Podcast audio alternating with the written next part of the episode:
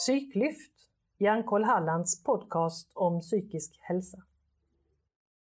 Hej och välkomna till eh, Psyklyft som är en podd från Hjärnkoll Halland.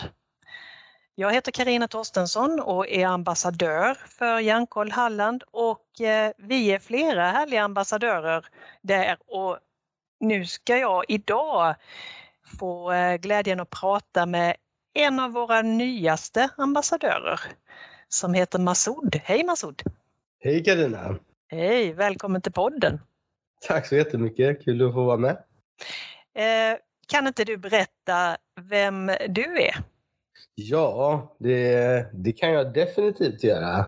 Eh, jag är en 42-årig eh, kille eh, som eh, vid sju års ålder flydde till Sverige från Iran och som är uppväxt i Sverige. Eh, jag eh, var med om en stor brand eh, när jag var 17 år. Året var 98 och det förändrade hela mitt liv.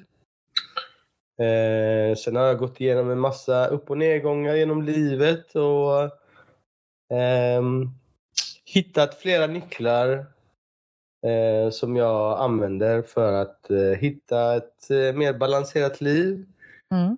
Eh, driver eget företag och ja, älskar att interagera med människor och vara social och lära mig nya saker. Eh, och nu har du valt att bli ambassadör för Hjärnkoll. Hur kommer det sig då?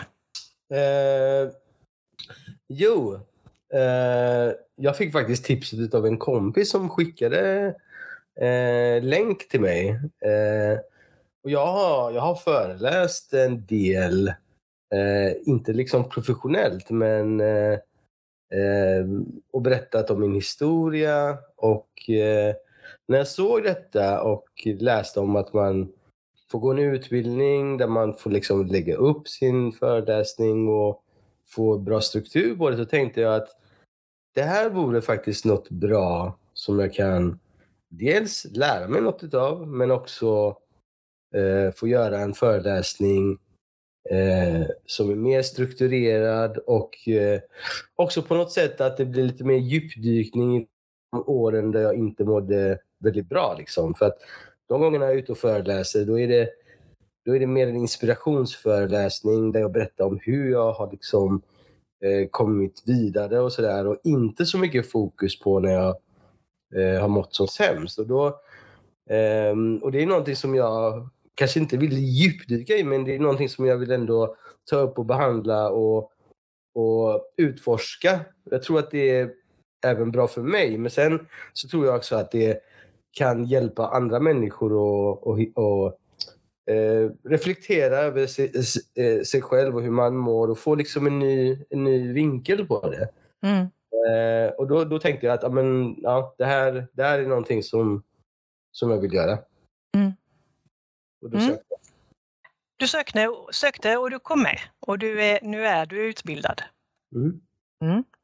Eh, och jag förstår ju att du har haft eh, minst två, bara utav den korta berättelsen eller introduktionen som du hade, minst två väldigt eh, traumatiska upplevelser i ditt liv. Hur har det påverkat dig?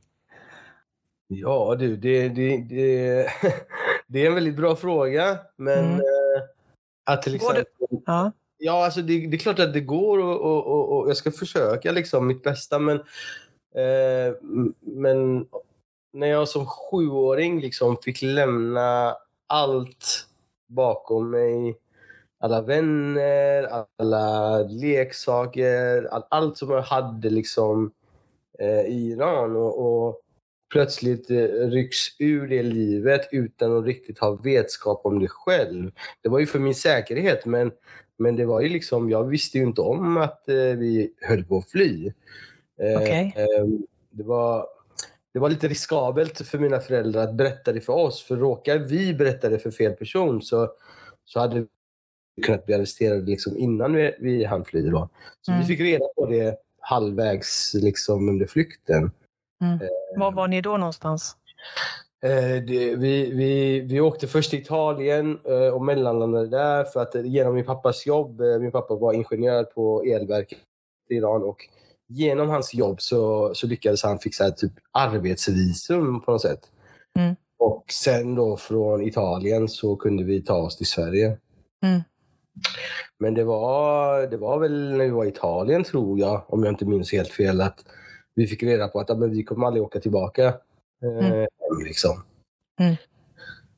Eh, och det, det är ju ett stort trauma liksom. Och, eh, det kan ju manifestera sig på olika sätt. Jag vet, jag vet att som åttaåring så kunde jag så förlorade jag kontrollen över, över min blåsa liksom och kunde Mm. plötsligt bara kissa på mig. Och, mina föräldrar, hanterade det väldigt bra. Utan de, det var aldrig att jag fick skäll någonting. Utan Nej, men det är lugnt, vi byter om. Och sen så Mm. efter några månader så försvann det. liksom. Mm. Men det där är ju en tydlig ehm, ehm, ja, tydlig reaktion som kroppen hade. Liksom. Mm. Sen, eh, självklart, jag har liksom än idag inte varit tillbaka i mitt hemland. Liksom, för det, Nej. Det går ju liksom inte. Och just nu är det ju, det är ju en revolution som pågår. Liksom. Mm. Mm. Så det, det, det, är en, det är ett stort trauma. Det är, jag har ju jättemycket släkt eh, hemma i Iran. Liksom, och, Mm. ja, det... Ja. Och det, det är lite eh, skrämmande på sätt och vis, det du beskriver som hände när du var sju år gammal, alltså det är typ 35 år sedan. Mm. Och det är fortfarande lika aktuellt. Hur, hur, hur tänker du om det när du ser och hör nyheterna på radio och tv och läser om det och så? Alltså, det måste ju vara någonting som, som aldrig går riktigt att, att lägga bakom sig. Eh, ja, det, det är så svårt och det är, det som du säger, det är så himla aktuellt nu. Eh, samtidigt så tycker jag inte man hör alls mycket i, i, i nyheter och media. Liksom. I sociala medier är det ju överflöd för att där, där finns det ju en stor kraft utav jättemånga människor som delar och sådär. Men jag, jag, jag måste säga att jag, jag har en väldigt stor rädsla över att, eh, över att det inte kommer ske någonting. Det Mm. kommer ske en stor förändring. Jag hoppas ju verkligen på att liksom den här regimen ska bara liksom bort och att det, att det blir stor förändring i Iran, att det blir frihet. Att... Men ja, Mm. nu, nu har det gått så himla långt. Det är liksom... Det är, jag tror det är nästan tre månader som det här har pågått och det är... Ja, folk vill ha sin frihet liksom. Det är, det är Mm. Konstiga grejer men, men jag vet inte. Jag vet inte vad, vad, jag vet inte vad som kommer ske och det, Nej. det är väldigt jobbigt liksom. Mm. River det upp eh, minnen för dig eller känner du att nej, men detta är en annan historia? Eh, alltså jag som barn var väldigt... Eh, alltså jag, jag, jag föddes ju när kriget började i Iran. Liksom. Det, var ju, det var ju krig mellan Iran och Irak. Mm. Och eh, under hela min uppväxt när jag bodde i Iran så var det krig. Men mina föräldrar lyckades skapa en alternativ verklighet för mig så att, och mina syskon. Så att jag upplevde aldrig att det var farligt. Jag upplevde aldrig krig på det sättet. liksom. Eh,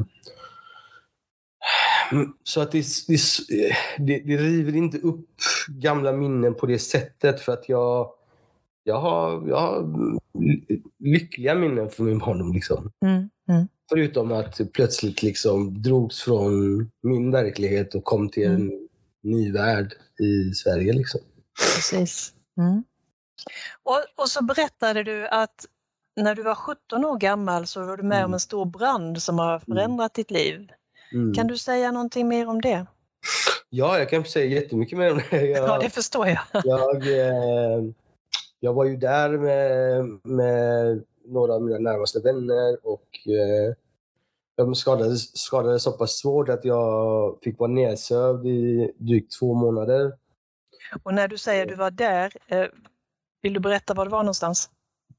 Jajamän, jag, jag var tillsammans med några av mina närmaste vänner på eh, Backaplan. Det var ett eh, diskotek som i media kallas diskoteksbranden. Mm. Eh, och skadades svårt. Jag eh, fördes till sjukhus och eh, mina skador var så pass allvarliga så att de, de fick ju söva ner mig och operera och jag var ju nedsövd i över en månad, nära, nästan två månader. Mm. Och under den tiden så förlorade jag mer än en tredjedel av min kroppsmassa. Mer än en tredjedel? Oj.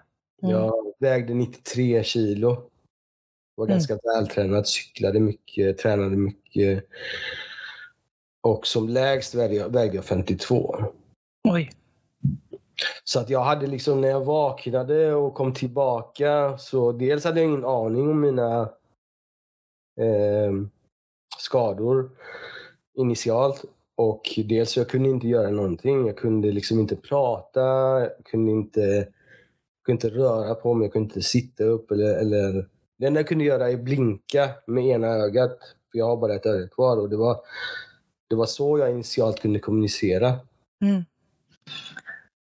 Och sen följde ju en väldigt lång eh, rehabilitering. Mm. Såklart. Ja, den det berättar jag mer om. Ja, i, för, i föreläsningen. Och, och, eh, det, det är ju inte svårt att förstå hur, hur saker och ting påverkat dig fysiskt utav, som du säger, att förlora en tredjedel av kroppsmassan av att, att ligga bandagerad mer eller mindre så länge. Men jag tänker, vad, vad händer med, med psyket, med det, det mentala, den mentala hälsan? Vad händer och när händer det? Mm. Det, alltså när, när jag kom tillbaka till någon form av verklighet och började lära mig att liksom ta mina första steg och prata och äta och liksom det var så många delar som skulle funka. Att det Mm. mentala, det blev liksom det blev liksom eh, locket på och uppskjut, alltså det sköts upp. Mm. Ehm, och jag hade liksom, eh, jag minns att jag alltid brukade få den här klappen på axeln och liksom att du är så himla glad, du är så himla duktig. Liksom. Mm. Mm. Fastän jag kanske inte var det utan fokus var på annat istället. Mm. Och det andra kom ju liksom många, många, många år senare. Alltså sju, åtta, nio år senare. Då jag liksom... Eh, eh, det var liksom motgång efter motgång efter motgång eh, som jag upplevde det. Och till slut så liksom kollapsade allting. Och jag tappade liksom livslust och hoppet. Och alltså det, det fanns liksom ingenting kvar. Och Mm. Min, min reaktion var att jag gick och la mig och liksom kunde bara sova bort veckor och månader. Liksom. Mm. Var det depression du hade då eller vad var det som slog till? Ja, Mm. depression och mycket ångest och liksom eh, mycket negativa tankar kring att man inte vill leva längre, kring att, att man har förlorat så mycket tid och liksom inget kommer bli bra och ingen kommer älska mig. Alltså det är så många tankar, så många negativa tankar som bara bygger upp, bygger upp en stor mur liksom och man Mm. murar in sig själv. Mm. Eh, ork, alltså orkar inte kommunicera med någon, stänger av mobilen, låser dörren. Liksom. Mm. Och det här pågick i många, i, skulle säga ett år kanske. Oj. Mm. Ehm, Hur kom du ur det då? Om du, bara, du ska inte avslöja allt här nu, men om du bara kan säga någonting kort. ja, alltså det... Eh, ja, alltså... Ja, det ska man säga. Dels är det ju stöd från vänner, familj liksom. Det har varit Mm. jätteviktigt. Men också att lära sig att, eh, att det är okej okay att må dåligt. Liksom. Mm. Det, jag intalade mig själv, vilket senare förstod att men, det är inte bara att jag behöver intala mig själv, det är så. Liksom, att det är inte konstigt att eh, jag mår dåligt. Jag har varit med om fruktansvärda grejer. Liksom. Mm. Och bara att kunna acceptera eh, acceptera det eh, få, fick mig att må lite bättre ganska snabbt. Liksom. Mm. Mm. Men det jag har ju gått upp och ner och upp och ner. Och jag har fortfarande dagar då jag inte orkar gå upp i sängen. Liksom. Mm. Eh, men jag har hittat även verktyg för det också. Liksom, Mm. Att eh, hitta sätt att komma ut, komma ur, eh, komma ur och komma ut. Och starta dagen och liksom försöka göra något varje dag. Om du funderar på ditt uppdrag som ambassadör nu då, eh, vilka skulle du helst se i publiken? Vem vill du helst föreläsa för?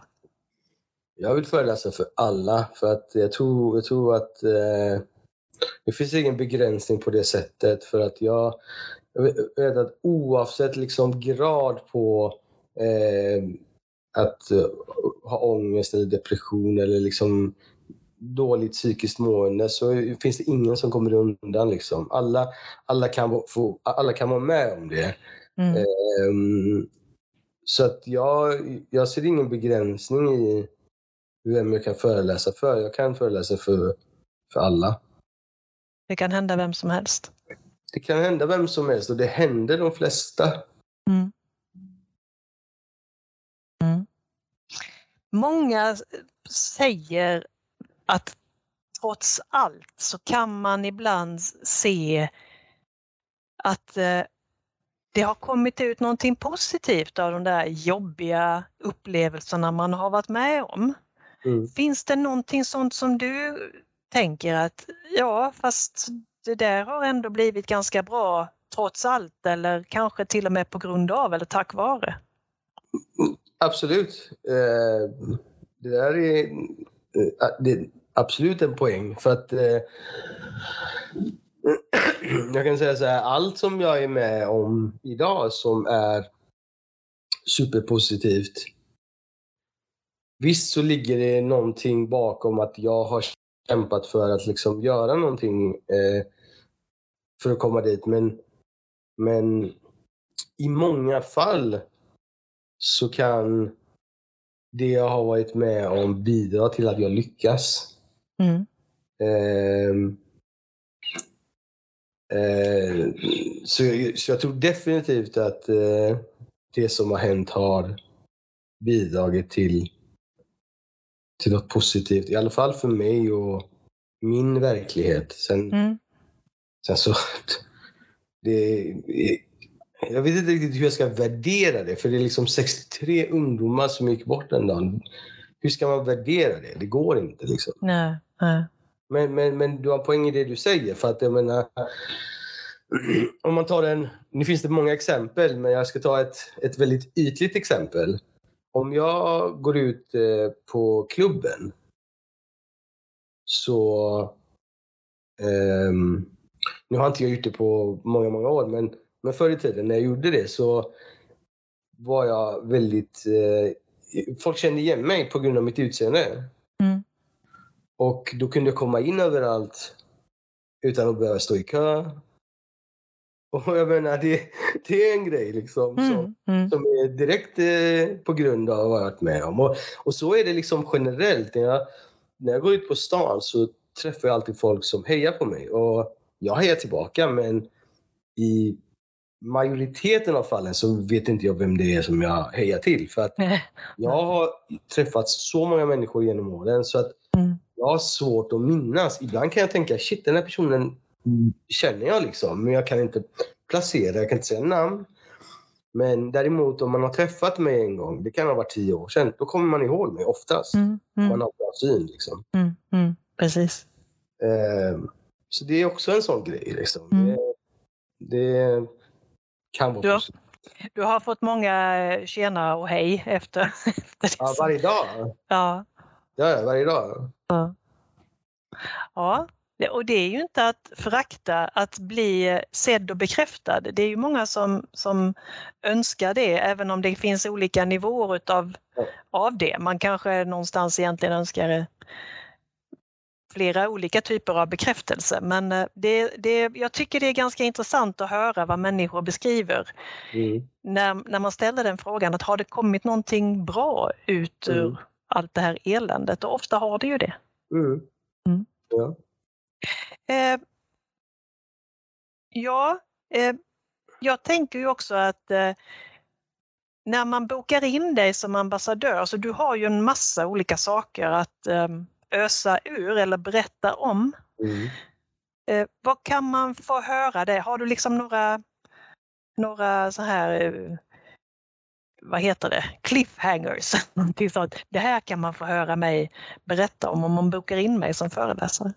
Ja, alltså jag har ju lite olika föreläsningar. ehm, och, och det här med mental ohälsa kan ju egentligen ingå i alla dem såklart, för att det är ju en del av min historia.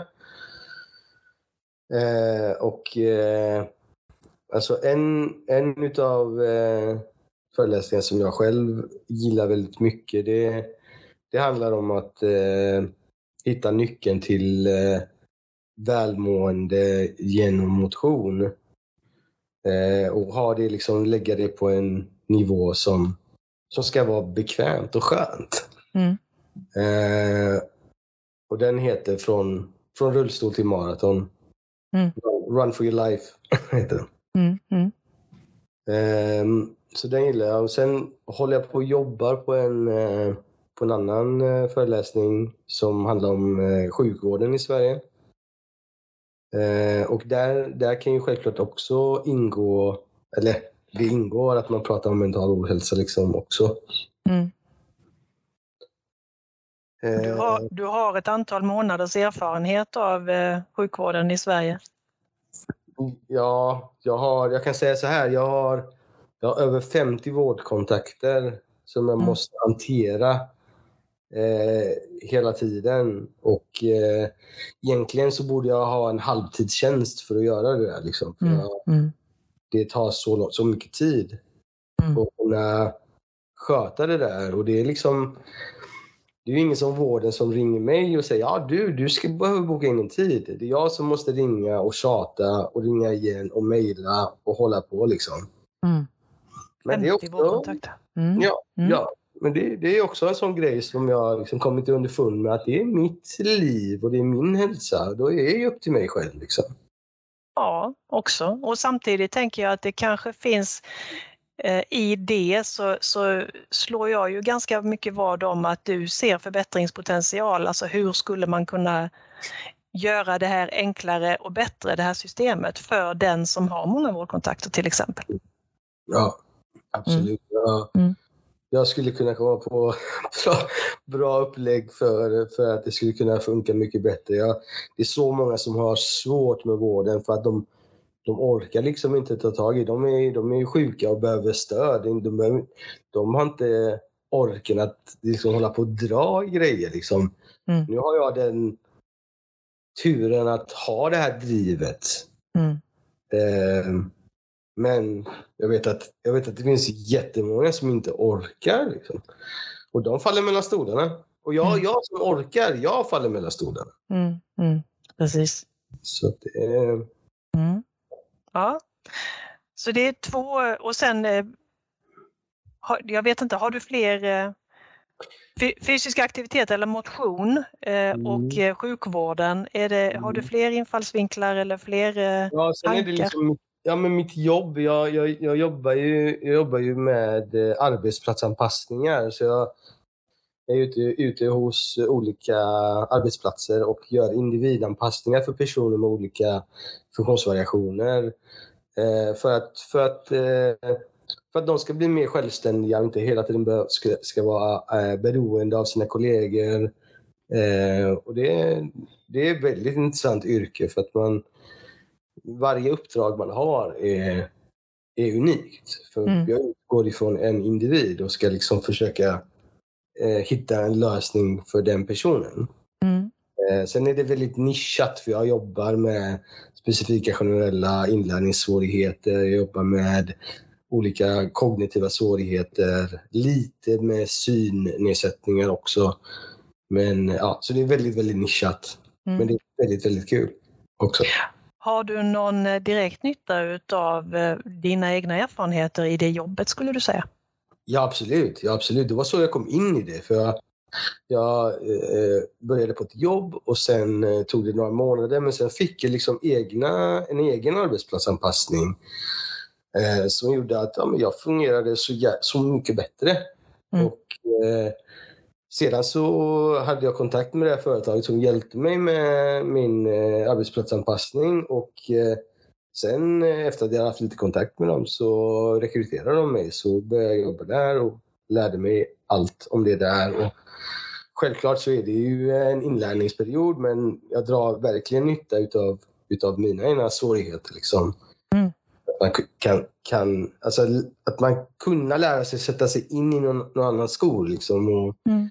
Sen i mitt jobb så försöker jag alltid utgå ifrån styrkor också. För att människor som har svårigheter har oftast alltid styrkor också. Mm.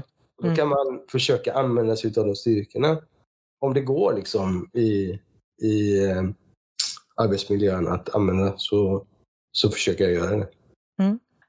Det låter som att det kommer att kunna bokas många intressanta föreläsningar med dig, Masoud, framöver. Mm. det hoppas vi på. Ja, det hoppas vi på. Och eh, har du någonting som du skulle vilja lägga till eh, i presentationen av dig som ambassadör? Ja. Säkert, jag kommer inte på det nu. Men eh, det, finns, det finns mycket att berätta. Det finns Ja. mycket att säga tror jag. Men, Ja. Och det, det kan ju vara saker som, eh, som man får höra dig berätta om vid en eh, framtida föreläsning, tänker jag. Mm. Så, så då eh, skulle jag vilja tacka dig för att du tog dig tid att medverka i podden. Jättekul att prata med dig. Ja, men tack så jättemycket. Det var jättekul att få prata med dig också. Men då eh, avslutar vi det här avsnittet utav eh, Psyklyft för den här gången. Och eh, vill ni höra fler avsnitt så finns de där eh, poddar finns. Tack för idag. Hej! Hej då! Fortsättning följer. Missa inte nästa avsnitt.